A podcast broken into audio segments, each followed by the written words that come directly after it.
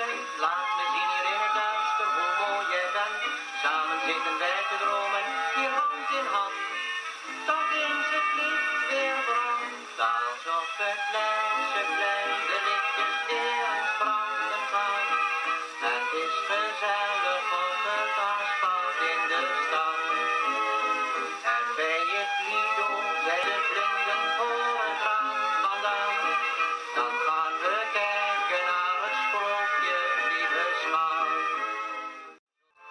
Op het Leidseplein.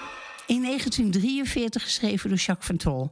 En jij kent hem goed. Je bent sowieso goed op de hoogte van allerlei muziek, ook uit die tijd. Ik heb hem dus echt uit 43 gepakt.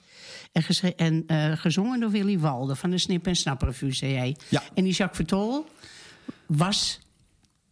Ja, Jacques van Tol was eh, een, een hele bekende tekstschrijver voor de oorlog. En hij is eh, uit onvrede voor eh, allerlei omstandigheden voor artiesten... is hij bij de NSB gegaan. En schreef in de oorlog ook heel veel propagandamateriaal voor de NSB... onder het pseudoniem Paulus de Ruiter. Oh ja. En onder de pseudoniem Bert van Eyck bleef hij ook gewoon doorschrijven voor de Snip en Snap revue. Snip en Snap zijn zijn creatie. En hij is eigenlijk. heeft hij dit liedje geschreven voor een revue uit 1943. En in dat jaar begon de normale Nederlander eigenlijk iets van de oorlog te merken. En dat begon langzaam. Ja, en, eh, het was een hoogtepunt van de amusement, eh, eh, eh, amusementsector eigenlijk. Het waren fantastische jaren, gek genoeg. Ja. Want het, het, het draaide gewoon door, het leven. Maar eind 43 werd het toch wel grimmig. En, werd het wat grimmiger, Het Leidseplein werd een beetje... Ja, s'avonds was het natuurlijk allemaal dichtgetimmerd met En- en luiken. donker, en, en alles. En dat, dat, het refereert een beetje aan het gevoel van... Hè, was het maar weer gezellig. Ja, precies. En dat ga je dan oproepen door dit soort liedjes. Ja. En eh, eh, wat ik al zei, die, eh, de mensen wisten niet dat ze in 43... dat ze nog twee lange jaren te gaan hadden. En zeker nog een hongerwinter. En dat kun je je nu niet voorstellen als je nu naar de Oekraïne kijkt... dat misschien die mensen nog twee jaar daar moeten... Ja, is gewoon vreselijk. Je kan het je niet voorstellen dat dat gebeurt. En sommige mensen die hebben die lichtjes nooit meer zien branden. Ik zou zeggen, welkom op de podcast Vrijheid is als frisse lucht. Ik vind het zo mooi, een leerling uit eh, groep 8... ik, waar ik ook in de klas vroeg van wat dat is voor jou vrijheid. En die zei dit. En dan denk ik onder de rook van Tatenstil. Mooier kun je het niet hebben. Dus wat, wat mij betreft is dat hier eh, in Wijk aan Zee gewoon een lijfspreuk geworden. In ieder geval van mij. Ehm, Twintig jaar geleden ben ik begonnen met het eh, schrijven van verhalen van de ouderen hier in Wijk aan Zee. En eh, die overleef, de overlevering vertelde over de vesting in Muiden, 1940 begonnen.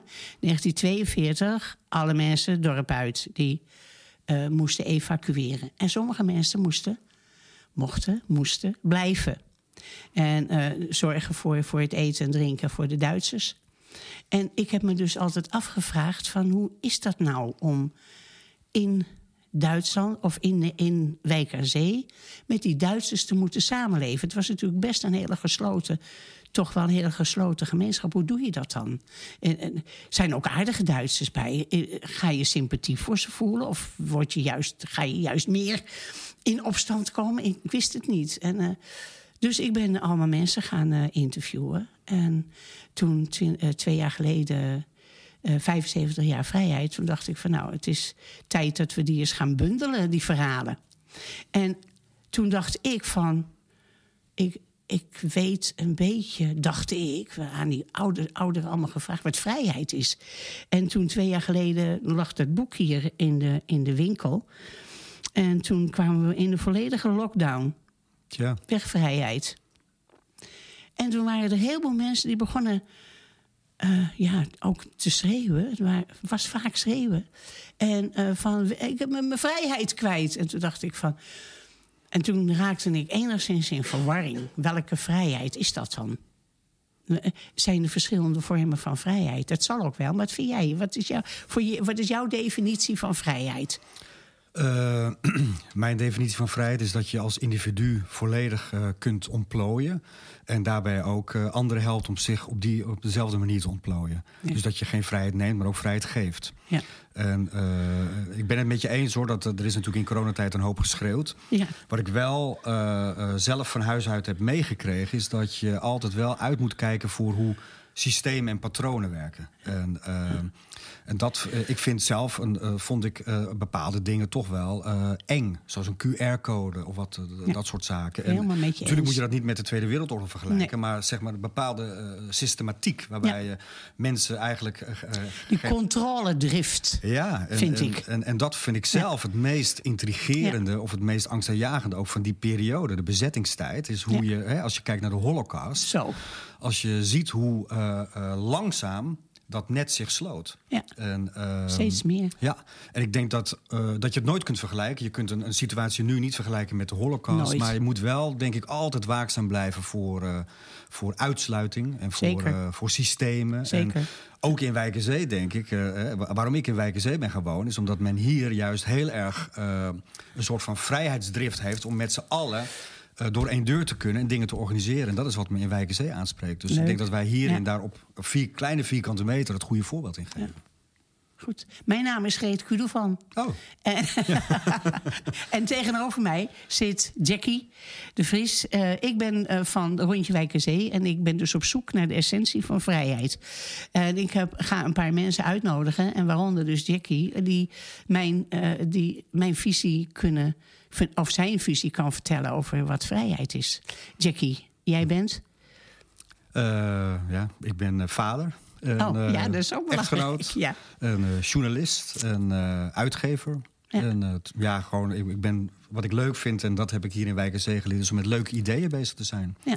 En dat je eigenlijk met mensen samen heel veel leuke dingen kunt doen. Precies. En dat is eigenlijk de essentie van mijn leven. En, Ja.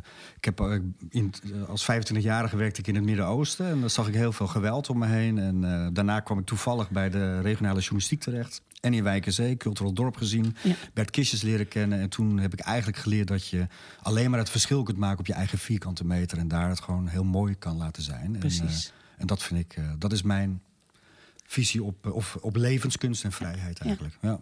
Vind ik ook. Dank je wel voor ja. deze... Zijn we klaar? Fantastisch. Daar gaan we weer. Nee. ja. Uh, mijn eerste... Wij wilden het over de Bellinfantes hebben. Ja. Want weet je, Bellinfantes is dus de enige die ik niet geïnterviewd heb. Al die interviews die hier in dit boek staan... 75 jaar vrij...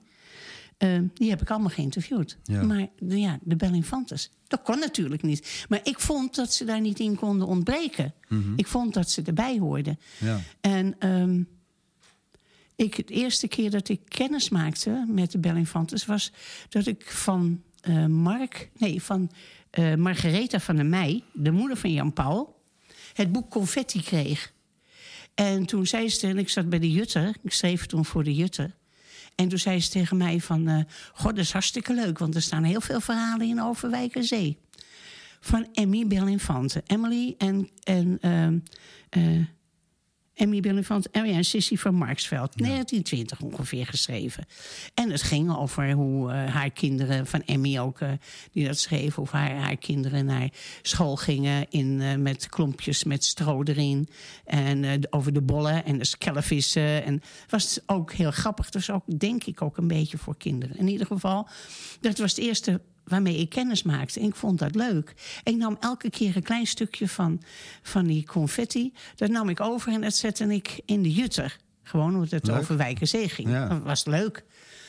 Ja, en verder eigenlijk niet. En niet mee bezig geweest. En ook niet...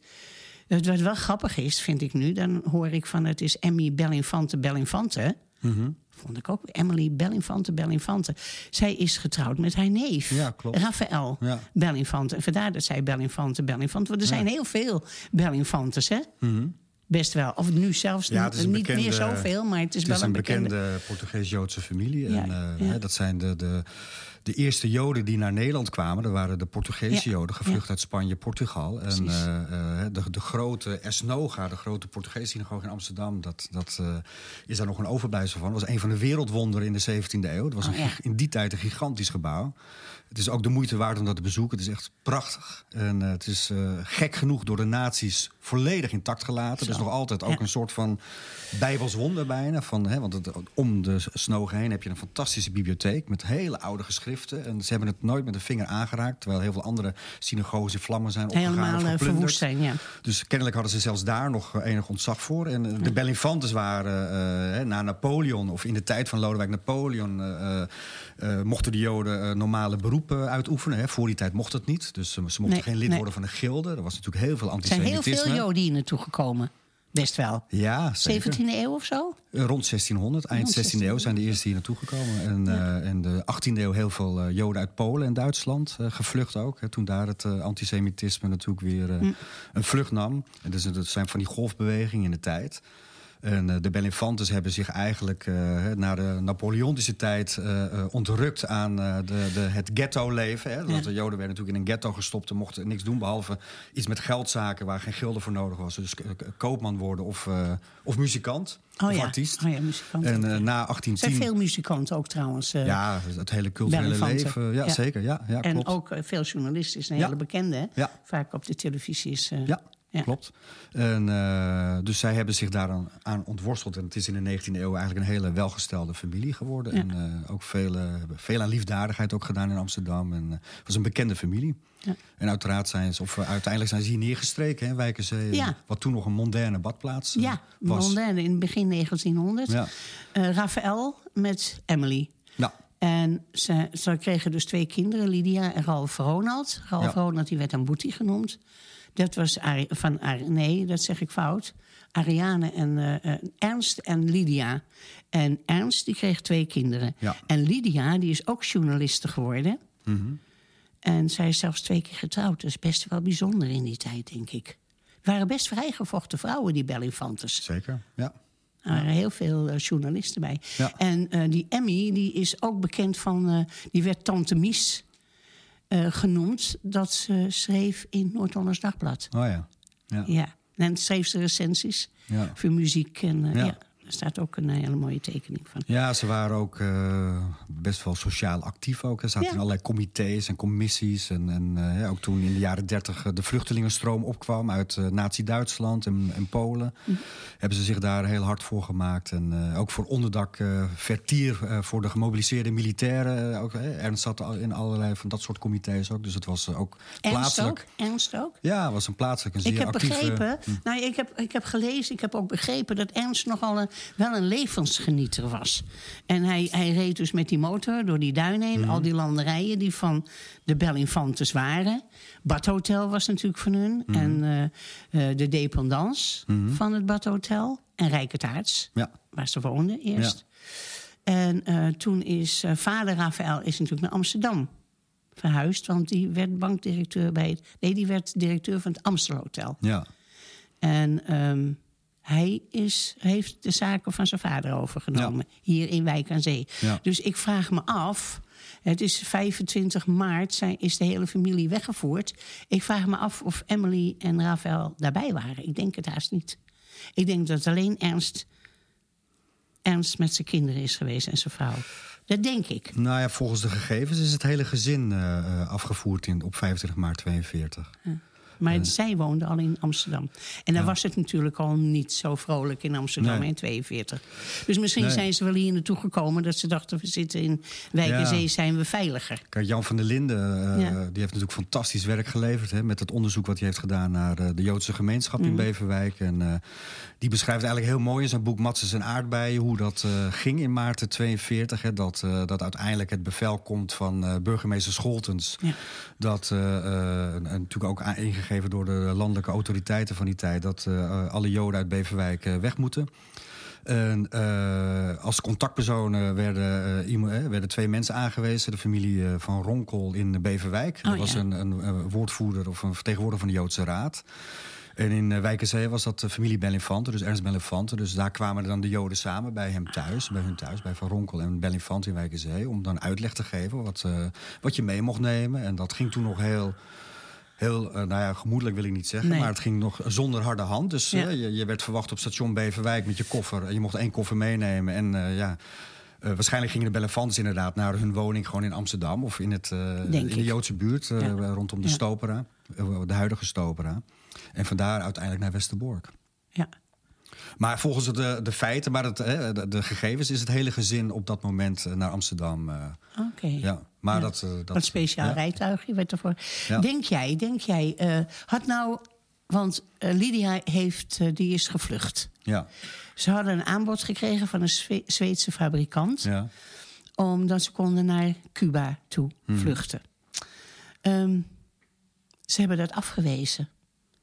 Is, ja, ze, je kunt natuurlijk op dat moment zoiets kun je je niet voorstellen. Wat er met je gebeurt. En als jij zegt van het was wel allemaal een beetje gemoedelijk. Ik denk dat zij niet, geen idee hadden wat er zou gaan gebeuren. Nee. Zou het niet? Want dan zou je toch misschien zo'n aanbod aannemen, of niet? Ja, kijk, is, het, het, het, is lastig om vanuit deze tijd... Vanuit deze tijd onze terug. riante Ja, positie gaan, te gaan... Ja. eh, eh, eh, ons te verplaatsen in, in, hè, in, in mensen die zoiets gruwelijks overkomt. En ja, Lydia is dan... naar Cuba vertrokken. Was volgens mij alleenstaand op dat moment. Of geen kinderen had ze. En, dus dan is het makkelijk. Ik kan me ook voorstellen dat je... Ja, je, je als je, eh, eh, als je mij twee jaar geleden had gezegd van over drie maanden eh, gaat de hele samenleving in lockdown Precies. en, en er komen QR-codes en je mag geen en de horeca gaat dicht, had ik ook gezegd van je bent hartstikke gek. Ja. En ik denk dat in 1936 of in 1932, als je tegen een normale Joodse familie in Nederland had gezegd van over tien jaar zit jij in een in? Drenthe in een, in een doorgangskamp, Ja. daar hadden ze je voor gek verklaard. Precies. het is natuurlijk onbeschrijfelijk wat er is gebeurd in die, in die. Shoah. Dat is gewoon onbeschrijfelijk Onvergelijkbaar. Ja. Het is een systematische volkerenmoord Ja, op een hele geraffineerde wijze. Waarbij de, de, de aanstichters zelf geen bloed aan hun handen hebben, maar gebruik maken Ja. van de systematiek die er is. Dus gebruik maken van het gemeenteapparaat, van de politie. Laten we ons geen illusies maken. Het waren de politie, Nederlandse politiemensen die die mensen uit huis haalden. En het waren de Nederlandse conducteurs en, en machi- treinmachinisten die de, die de treinen eh, bestuurden. En, eh, het is een ongelofelijke operatie geweest. En onvergelijkbaar. Ja. En, dus je, je, en het is ook niet in één klap gegaan. Hè. Het, is, het begint in november Het begint, 1940. ja. mogen er geen Joodse studenten Nee. meer eh, En dan op de meer- universiteit. ja, en dan mag je niet in een park, dan mag je niet in een En dan mag je bioscoop. en bankje. En heel langzaam wordt, Maar worden ze weet, afgeknepen. Wordt ook je vluchtweg gewoon afgeknepen. En het is natuurlijk ook lastig als je twee kleine kinderen hebt... en je hebt allerlei eh, eh, bezittingen en dergelijke. Kijk, als ik tegen jou zeg van... Greet, eh, morgen ga je op het vliegtuig naar Engeland... want er gaat hier wat gebeuren en laat alles achter wat je lief is... Nou, dat valt niet moet mee. Nee, kan En, niet. eh, dus dat is, eh, ik denk dat je dat goed moet realiseren. Dat, is het gewoon een heel moeilijk besluit Ja. is. Dat is het Ja, ook. Ja. ja. Nou, Lydia heeft wel dat besluit genomen. En eh, Ja. nou, de rest allemaal niet. Die zijn dus allemaal omgekomen. We gaan even luisteren naar Soch nicht keinmal. Over het Joodse ghetto. Jij kent het, het de muziek. Ja, het is een. een in Warschau had, eh, had je een, een Joods eh, ghetto. Dus daar werden alle Joden, net als in Amsterdam, in een ghetto geplaatst. Voordat ze werden eh, gedeporteerd naar de vernietigingskamp om, om vergast te worden. En, ehm, de Joden in, in het ghetto van Warschau kwamen in 1943 in opstand. Vrij succesvol, dus die hebben een paar dagen lang de Duitsers en de nazi's uit het ghetto weten te, te houden. En in dat ghetto is heel veel, en dat heb je, zie je ook in Westerbork, is heel veel muziek gemaakt. Heel veel, eh, eh, eigenlijk Tuurlijk. cabaret. Ja. En eh Ja. Hirsch Klik, dat is Dat een is- hele bekende eh Joodse Het is ook een, schrijver. uit, een uitweg hè, uit Ja, muziek en... en, en, En Zok nicht Keimal is een, een, een, een strijdlied van de Joodse partizanen in Precies, Warschau. En van zeg nooit dat, je, dat dit je laatste gang is. Ze blijven altijd vechten blijven en altijd hoop vechten houden. en strijden van de Het is een prachtig lied. Ja. Prachtig lied. En eh, het, is, wordt gezongen door het ASO, Al- Alkmaar het is een bewerking van Frank Edam met een Nederlandse tekst erop. Gaan we nu even naar luisteren.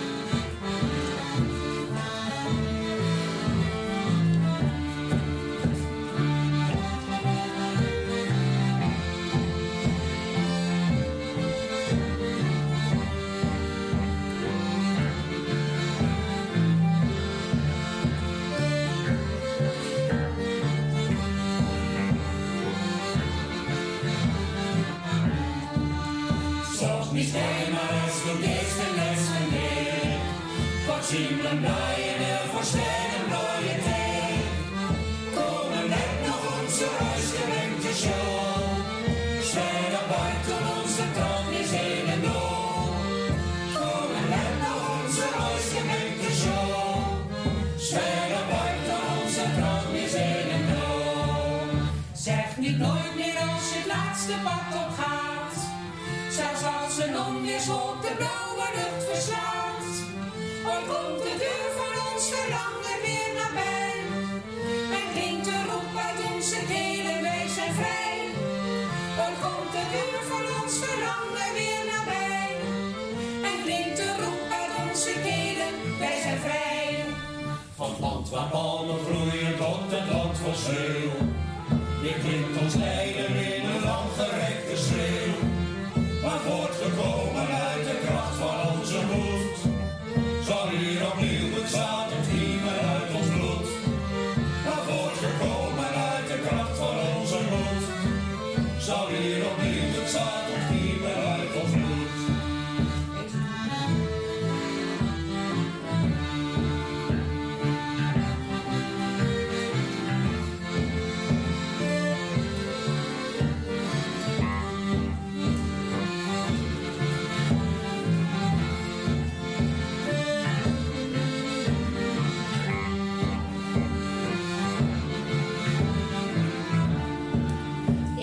De morgen dat de ochtendzon weer schijnt.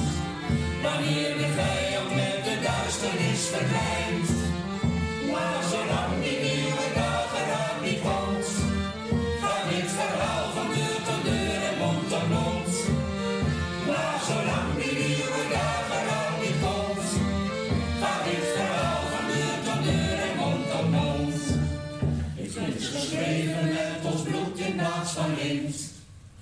Het gaat niet over een vogel die in vrijheid zingt.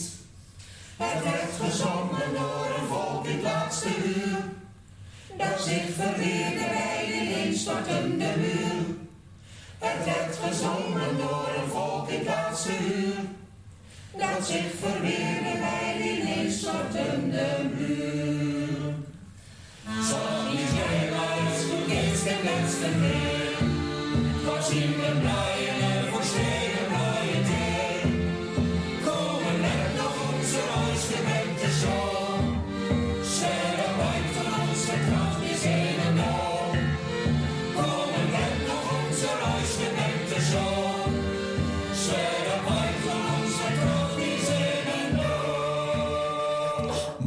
Mooi, dat je dit eh, hebt uitgekozen. En, eh, wat, eh, wa- waarom ik dat heel mooi vind, is omdat voor mijn gevoel, toen ik jong was, had je hè, de geschiedenis is iets wat beweegt, hè, wat, wat continu verandert eigenlijk, je blik op geschiedenis. En voor 1995 had je eigenlijk een soort standaardbeeld van... je had de, de, de, de, de Duitsers, die waren slecht en de Nederlanders waren goed... en dan had je de arme Joden, die werden allemaal als weerloze uh, uh, weggevoerd. En dat beeld is gelukkig bijgesteld. En uh, omdat, uh, uh, nou ja, het, het, het, is een, het is een, een gekke catastrofe van, van systemen geweest. En een misverstand is dat, dat, dat er geen Joods verzet was. En er was heel veel Joods verzet, ook in uh, Nederland. En uh, omdat al die verzetsmensen uh, het niet overleefd hebben... is dat verhaal natuurlijk niet overgebleven. Hè? Dus het verhaal van de Nederlandse verzetslieden... dus het Nederlandse verzet wat vanaf 43 echt opkwam...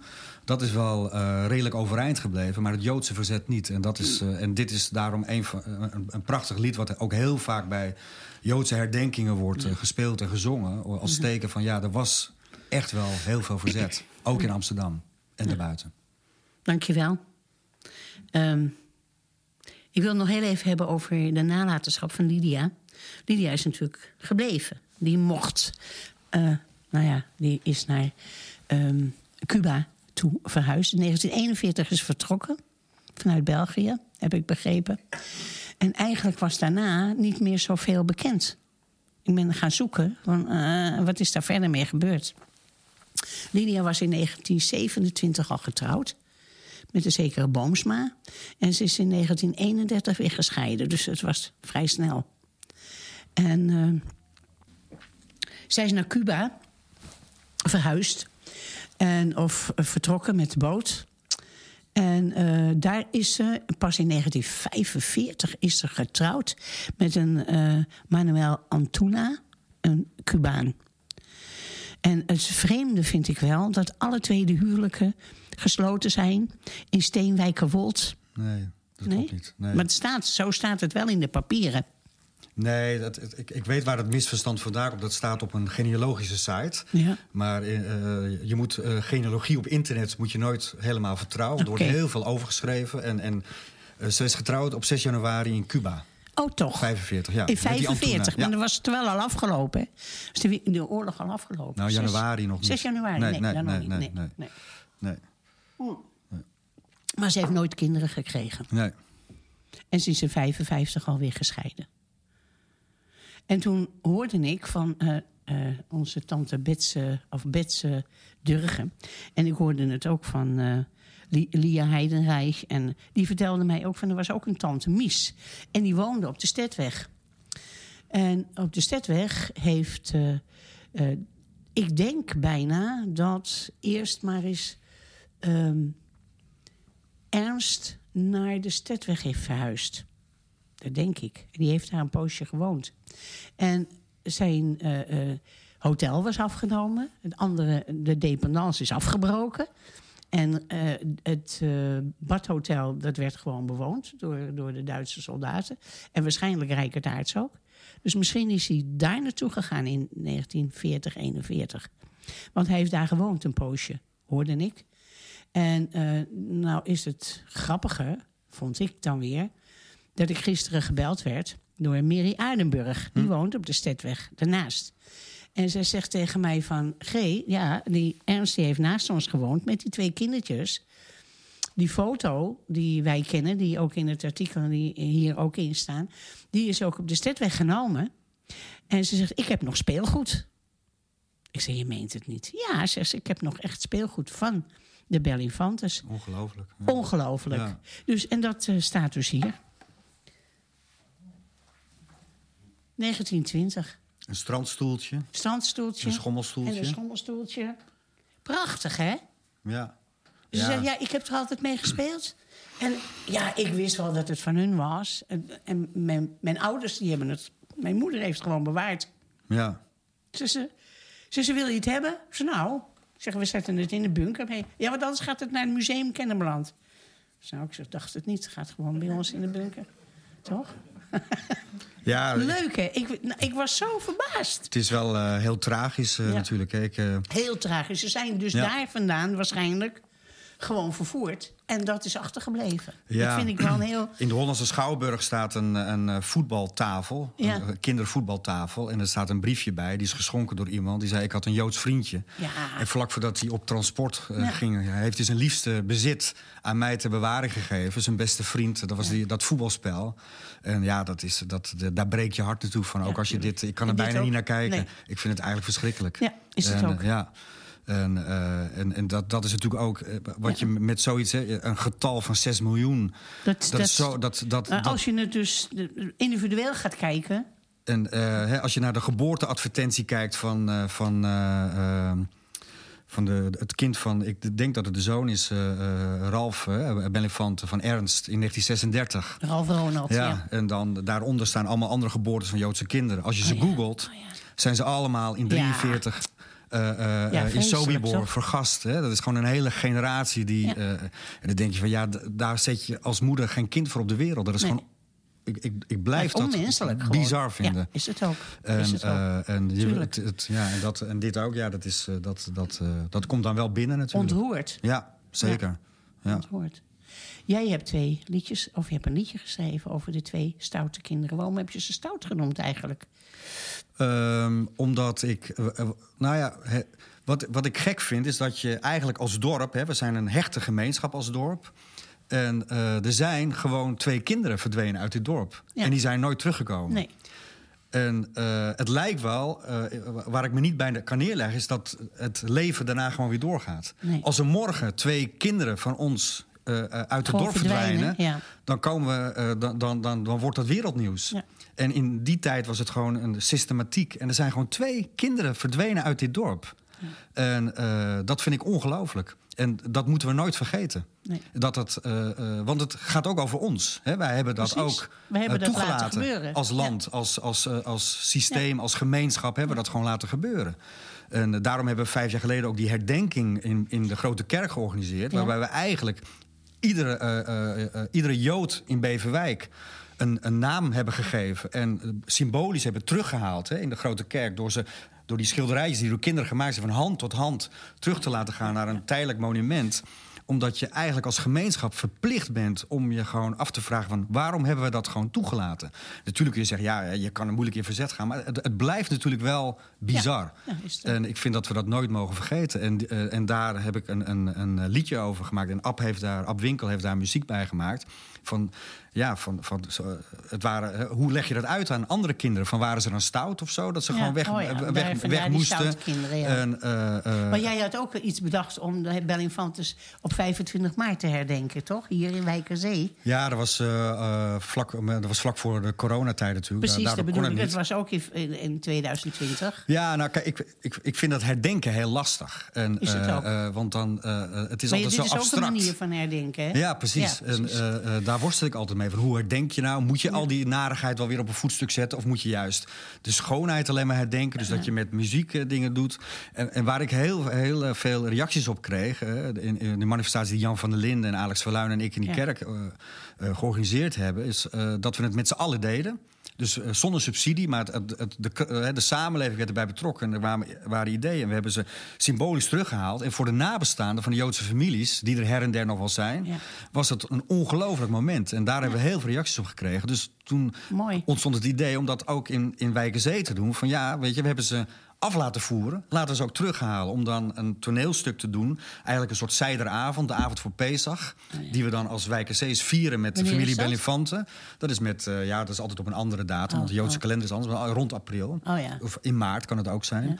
Zijderavond is een hele belangrijke avond in de Joodse traditie. Dat is voor Pesach. Dan, dan, vier je, eh, dan herdenk je eigenlijk de onderdrukking in Egypte. Hè, toen de Joden slaven waren en de piramides moesten bouwen. Uiteindelijk onder leiding van eh, de, de profeet Moshe ze, ze, gevlucht zijn naar het beloofde land.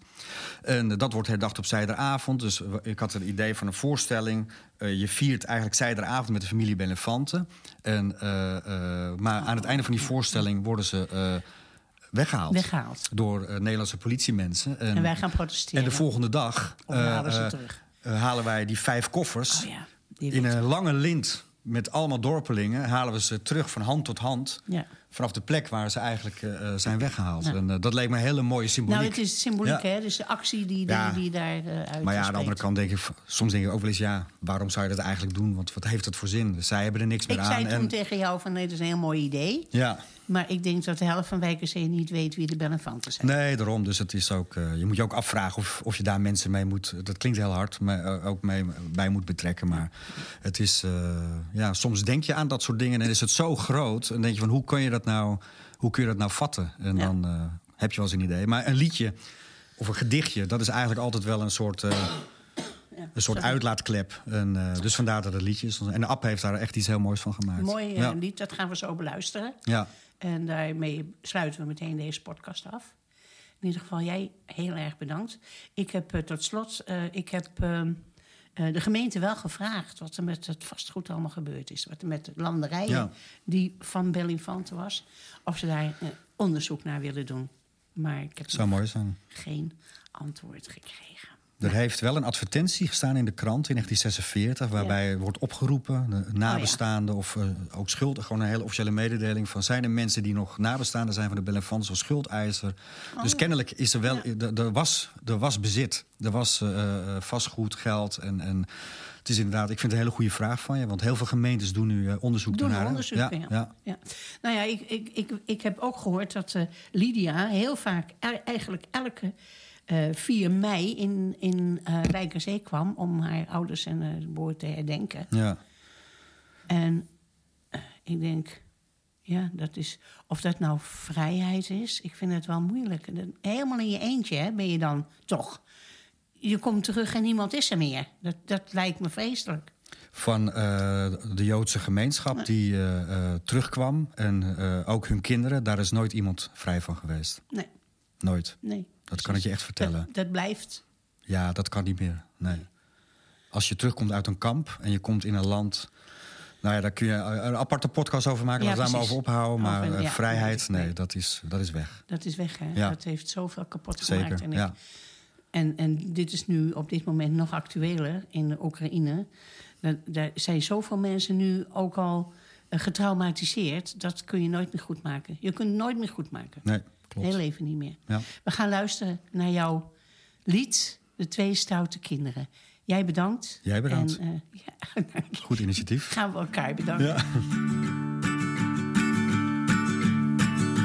Dat ze speelden in de duinen waar je toen nog kon verdwalen.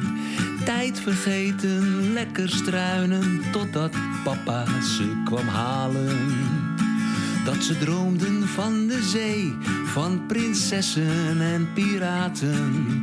Ze kregen een schepje mee dat ze op het strand vergaten. Ze waren nog zo klein, dat kan nooit de reden zijn. Dat ze woonden in de Zwaanstraat, het hotel met hoge ramen. Met passant op de menukaart als er chique gasten kwamen. Dat ze hun lesje niet goed leerden, maar met modder in de regen. Vlekken maakten op hun kleren, dat ze toen een standje kregen.